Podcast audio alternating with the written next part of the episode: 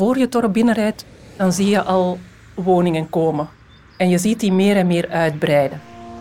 Heel grote woningen die misschien lijken op een fermette, maar zonder alle kwaliteiten van waar dat naar verwijst, de boerderij. Er is geen groen meer, want de voortuin staat vol met auto's. Als we wat verder rijden, dan zien we allemaal woningen met allemaal verharde voortuinen. Ook die kleine woningen van vroeger, die misschien een voortuin hadden en een haagje, een bankje en zo, daar staan nu twee auto's. Mensen willen niet onderhouden, je ziet misschien plastieke gazons. Je rijdt wat verder, je komt in de dorpskern, je ziet muren van appartementen. Mensen kijken uit over hun garages. Dat is echt niet meer dat kwalitatieve wonen van weleer, waar dat we de linken hadden met landschap. Als we kijken naar oude postkaarten bijvoorbeeld, wat zie je dan? Dan zie je een dorpstraat, dan kun je tussen de woningen kijken. Dan heb je een zicht op de kerktoren van verder weg. Dan zie je kinderen spelen op het openbaar domein, op de pleinen. Nu staat ons marktplein vol met auto's. Daar kan geen waterdruppel indringen. Dus wat betekent dat? Dat we eigenlijk op een heel andere manier met ons dorpen zouden moeten omgaan. Dat maakt op den duur echt het verschil in ons dorp. Ooit werden de Kempen het Siberië van België genoemd. Door een van zijn eigen burgemeesters dan nog wel. Doods, eenzaam en vergeten.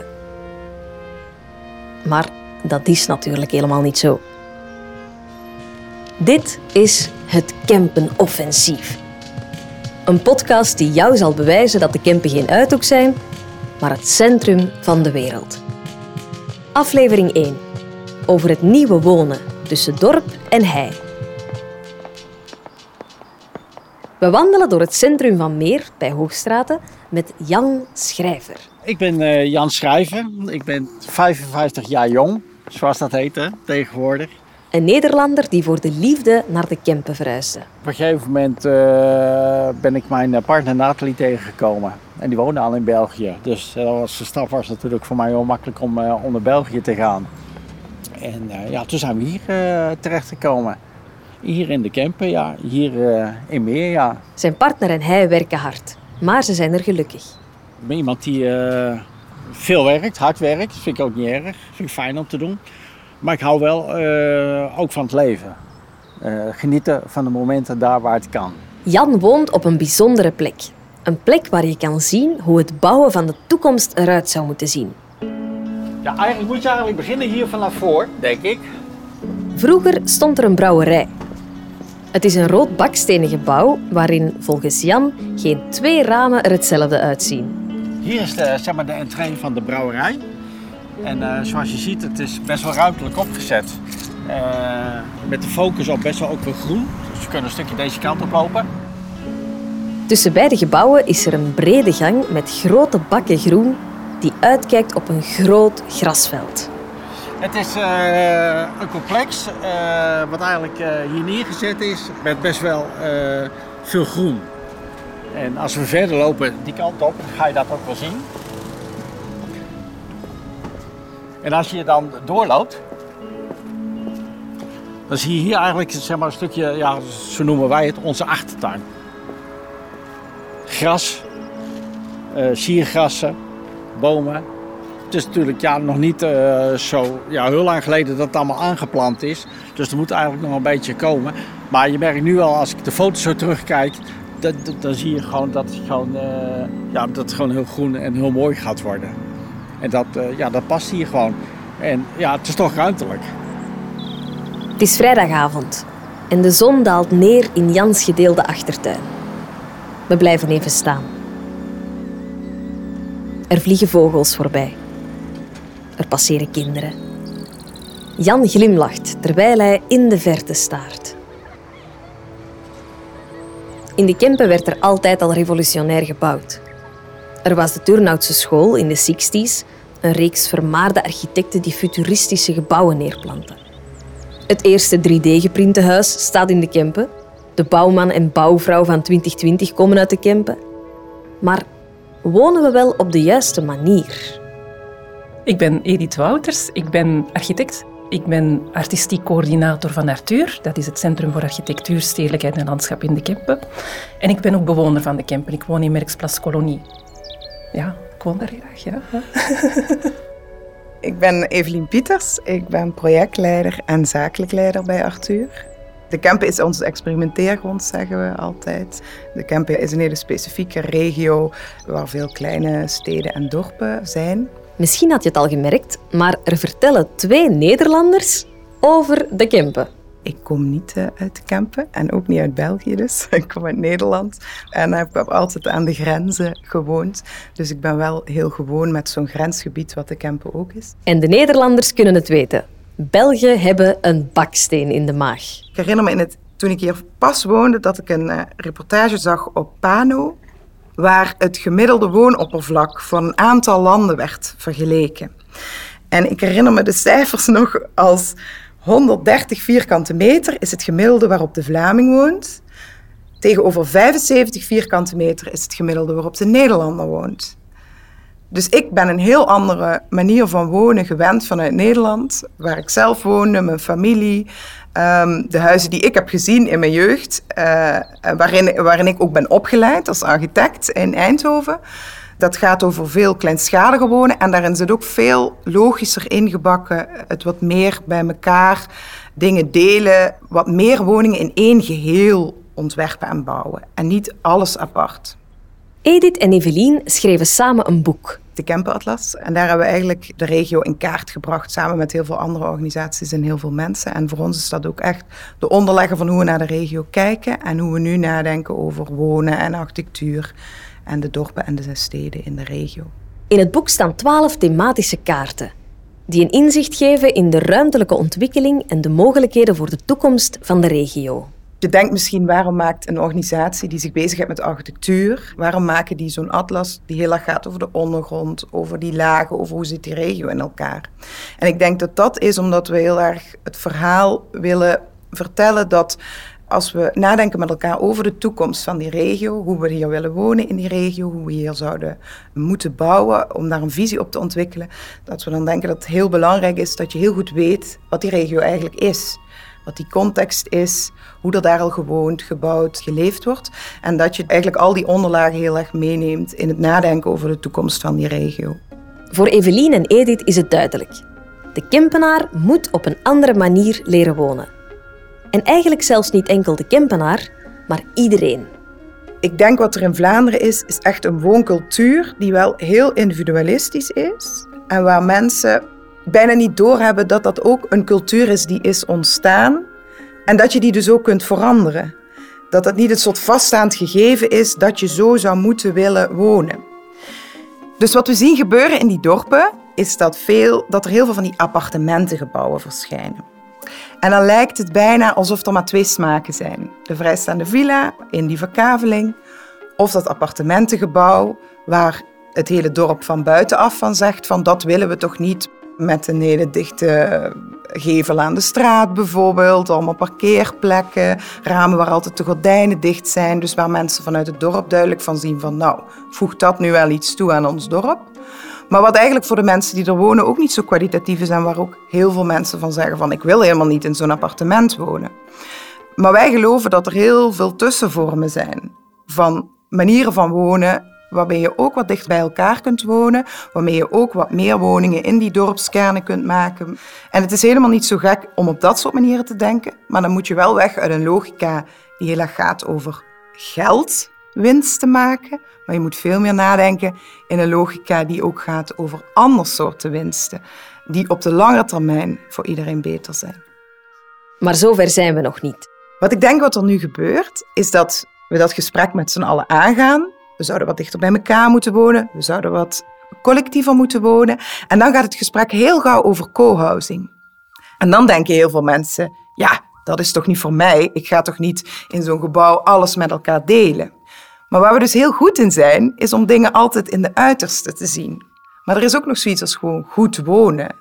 Waarin je iets meer deelt met elkaar en waarin je je iets minder terugtrekt achter je eigen hoge muur. En waarin je ook niet per se zo'n heel groot huis nodig hebt. Want de Vlaming denkt ook nogal dat hij heel veel ruimte nodig heeft. Als je in heel veel andere landen kijkt, woont men gemiddeld op vele kleinere oppervlakten. Wat ik denk dat goed is, dat we het gesprek wat openen, dat we ook andere voorbeelden naar voren schuiven waar je kan zien dat je heel veel meer kwaliteit van wonen kan maken door wat meer gemeenschappelijk wonen, door wat collectiever wonen. Wat echt niet helemaal co-housing hoeft te zijn. En dat er dus heel veel tussenvormen zijn die heel veel kwaliteit zouden kunnen toevoegen, die we nu vaak vergeten zijn. En als we dus naar de historie van de Kempen kijken, dan vinden we wel een aantal van die modellen waar we goed naar zouden kunnen kijken en waar we van zouden kunnen leren. Dat betekent gewoon dat we misschien wat af moeten van die grote verkavelingen en dat we betere manieren moeten vinden dan die appartementengebouwen die we nu overal zien verschijnen. Een woning waar alles één geheel vormt is ook de brouwerijsite waar Jan woont. Eigenlijk vroeger was het hier uh, de brouwerij van uh, de familie Sterkens. Dat is hier echt een begrip in de Meer- en Hoogstraat en omgeving geweest. Nou, die brouwerij is destijds ja, opgegeven. En uh, de familie Sterkens heeft toen eigenlijk besloten om een mooi complex er weg te zetten. En ja, dat is dit het geworden. Hoe het eruit ziet. Voor de camper is het, vind ik zelf, wel een beetje futuristisch. Als je kijkt wat hier in de omgeving aan appartementen gebouwd is, uh, springt dat er best wel uit.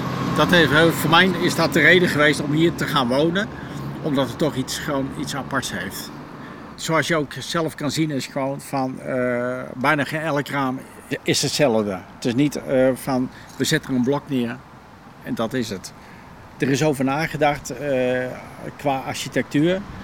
Dat maakt het gewoon mooi, vind ik.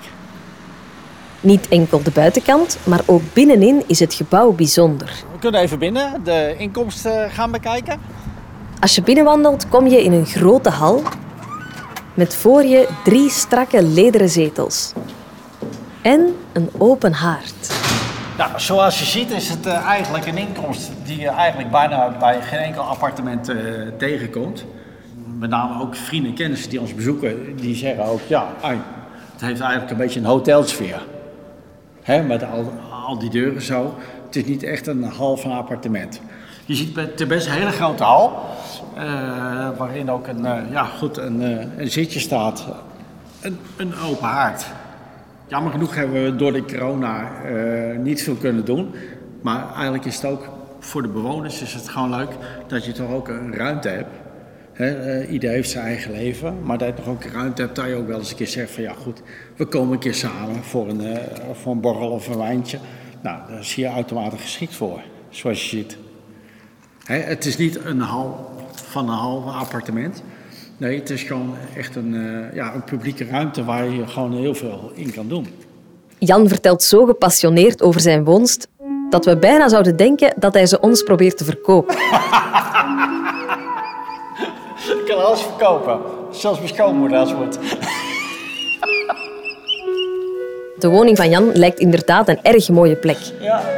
Een gebouw waar het goed is om te leven en dat perfect in de omgeving past. Dus waarom wordt er dan niet meer op deze manier gebouwd in de Kempen? Evelien ziet maar één oplossing. Als je wil veranderen, begin je best voor eigen deur. De Kempen is een heel bijzondere regio, omdat er eigenlijk nog wel heel veel open ruimte is. Maar het gaat ook wel heel erg om de kwaliteit van die open ruimte. Die is wel heel versnipperd en die staat wel heel erg onder druk. Want er zijn nog steeds veel gebieden die zijn ingekleurd als woongebied. En waar nu een heel uh, politiek spel natuurlijk rond speelt. En een hele discussie hoe we daar nu mee om moeten gaan. En dan moet er nu een stolp over en een bouwshift, et cetera. Daar is veel aan te doen, maar ondertussen moeten we denken: oké, als dat niet meer de toekomst is van het wonen, dan moeten we gaan nadenken over manieren waarop we wat dichter bij elkaar wonen. En dat verhaal horen we natuurlijk al een hele tijd. Maar wij zien daar dus ook hoe dat verhaal nu ook vaak wordt ingekleurd op een manier met heel weinig kwaliteit. En als we dan over kwaliteit praten, dan hebben we het over architectuurkwaliteit, maar over woon- en leefkwaliteit dat de bewoners er fijn kunnen wonen, dat de bewoners daar een huis hebben wat ook voor de toekomst geschikt is met alle duurzaamheidseisen, maar ook ruimtelijk dat het een fijne plek is, dat je niet uit je deur stapt en in één keer aan een hele drukke straat half overreden wordt. Allemaal van dat soort eigenlijk basic dingen dat dat een, echt een kwaliteit van wonen heeft, maar zeker niet alleen voor de bewoners van het huis zelf, maar ook voor de omwonenden, voor de buren, voor de andere mensen in een dorp waar je dat nieuwe gebouw neerzet. Want nieuwe gebouwen die zijn natuurlijk niet alleen voor degenen die daar gaan wonen. die zijn voor het hele dorp. Die moeten eigenlijk een rol spelen in dat hele dorp. En die zouden ook kwaliteit moeten toevoegen aan dat dorp. Door bijvoorbeeld even een fijn plekje te maken, even wat terug te staan van de stoep, wat meer ruimte te bieden. Door ook na te denken dat er wat groen is. Dat kan in hele kleine dingen zitten, maar dat zijn elementen waardoor je op verschillende lagen die projecten beter kan maken en toekomstbestendig. En dat eigenlijk iedereen daar meer aan heeft.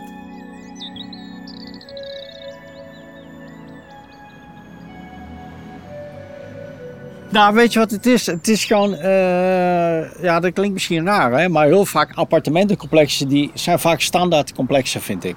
Uh, je komt binnen, je hebt een trap naar boven en een lift. En dat is het. Als je hier binnenkomt, dan heb je mensen echt zoiets van: oké, het, het. Nou goed, dat hadden wij dus ook op het moment dat ze hier al aan het bouwen waren. En we hadden natuurlijk voor de bouw al wat, uh, wat tekeningen gezien van hoe het ging worden. Ja, dat, dat gevoel moet je hebben. Dat is gewoon een gevoel, dat heb je of dat heb je niet. En bij ons was dat gewoon van nou, oké. Hier zouden wij wel kunnen wonen. nou ja, bijzonder vind ik wel gewoon hier gewoon uh, s'avonds, uh, met name met de zomerdag, de rust en het uitzicht hier. Gewoon, wij zijn allebei heel druk. Uh, ja, wij, wij hebben niet een uh, 40 uur werkweek dat, dat we klaar zijn. En dat we samen wel eens hier gewoon uh, in het zonnetje gewoon zitten met een goed glas wijn. En dan hebben we gewoon zo de rust. Dat is voor ons bijzonder. En meer moet het vaak niet zijn, hè?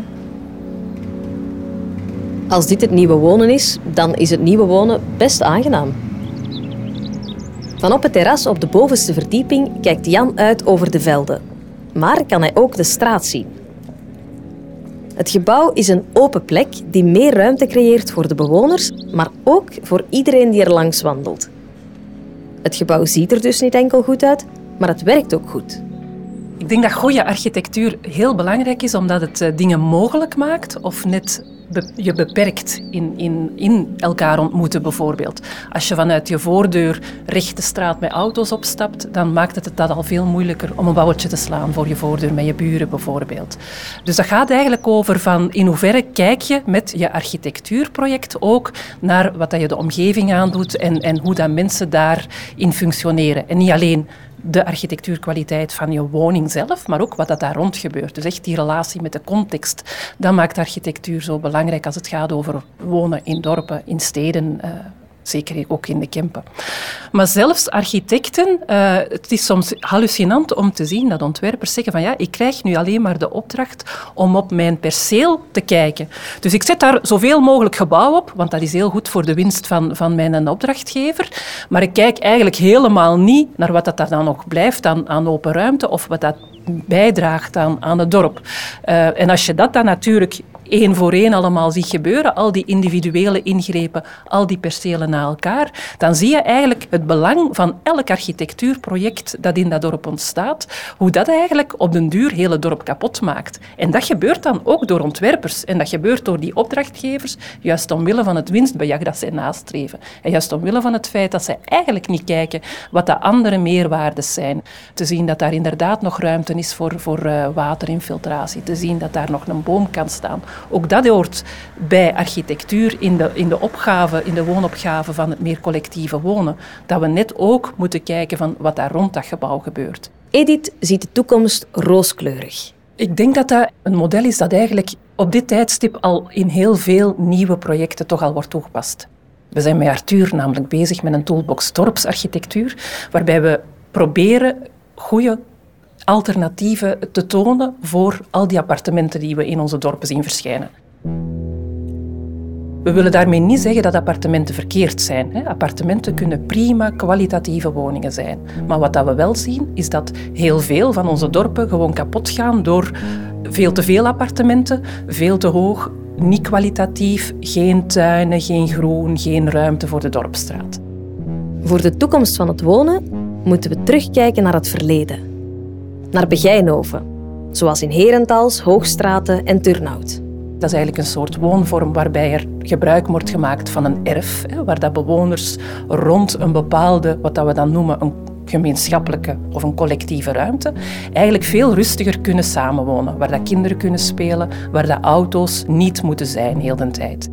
Maar eigenlijk is dat zo evident om dat in nieuwe woningen toe te passen, maar maakt men die klik vaak niet. Je hebt bijvoorbeeld ook wel een aantal projectontwikkelaars die eigenlijk fijne projecten doen. Zo is er bijvoorbeeld een project in de quarantainestallen in Essen. Dus dat zijn eigenlijk oude uh, stallen waar dat het vee in quarantaine werd uh, gezet, vlakbij het station in Essen. En dat is eigenlijk ook een heel fijne manier van collectieve woningen het zijn geen appartementen, maar het zijn woningen in die oude stallen die naast elkaar staan, maar die, die hebben kleine tuinen, maar ze delen wel een aantal, een groot zwembad bijvoorbeeld. En dat kan je doen net omwille van het feit dat je daar tientallen woningen bij elkaar hebt. En dat zijn eigenlijk toffe woonmodellen. En dat is iets anders dan wat dat we, de mensen soms denken van oei, dat is co-housing en je moet alles samen delen. Dit is ook een vorm van co-housing, een begin of is dat eigenlijk ook, zonder dat je moet gaan samen koken of zo. Dat zijn eigenlijk woonmodellen waar dat je heel ongedwongen gedwongen elkaar kan ontmoeten. Dat lijkt goed te werken. Als je dan de bewoners hoort, dan zeg je van, goh, waarom doen we dat niet elke keer?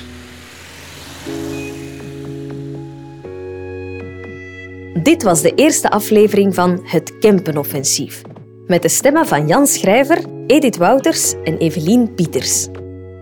Het Kempenoffensief is een productie van Avanza Kempen, Beweging.net, Bibliotheek Turnhout, Erfgoed Noorderkempen en Stuifzand.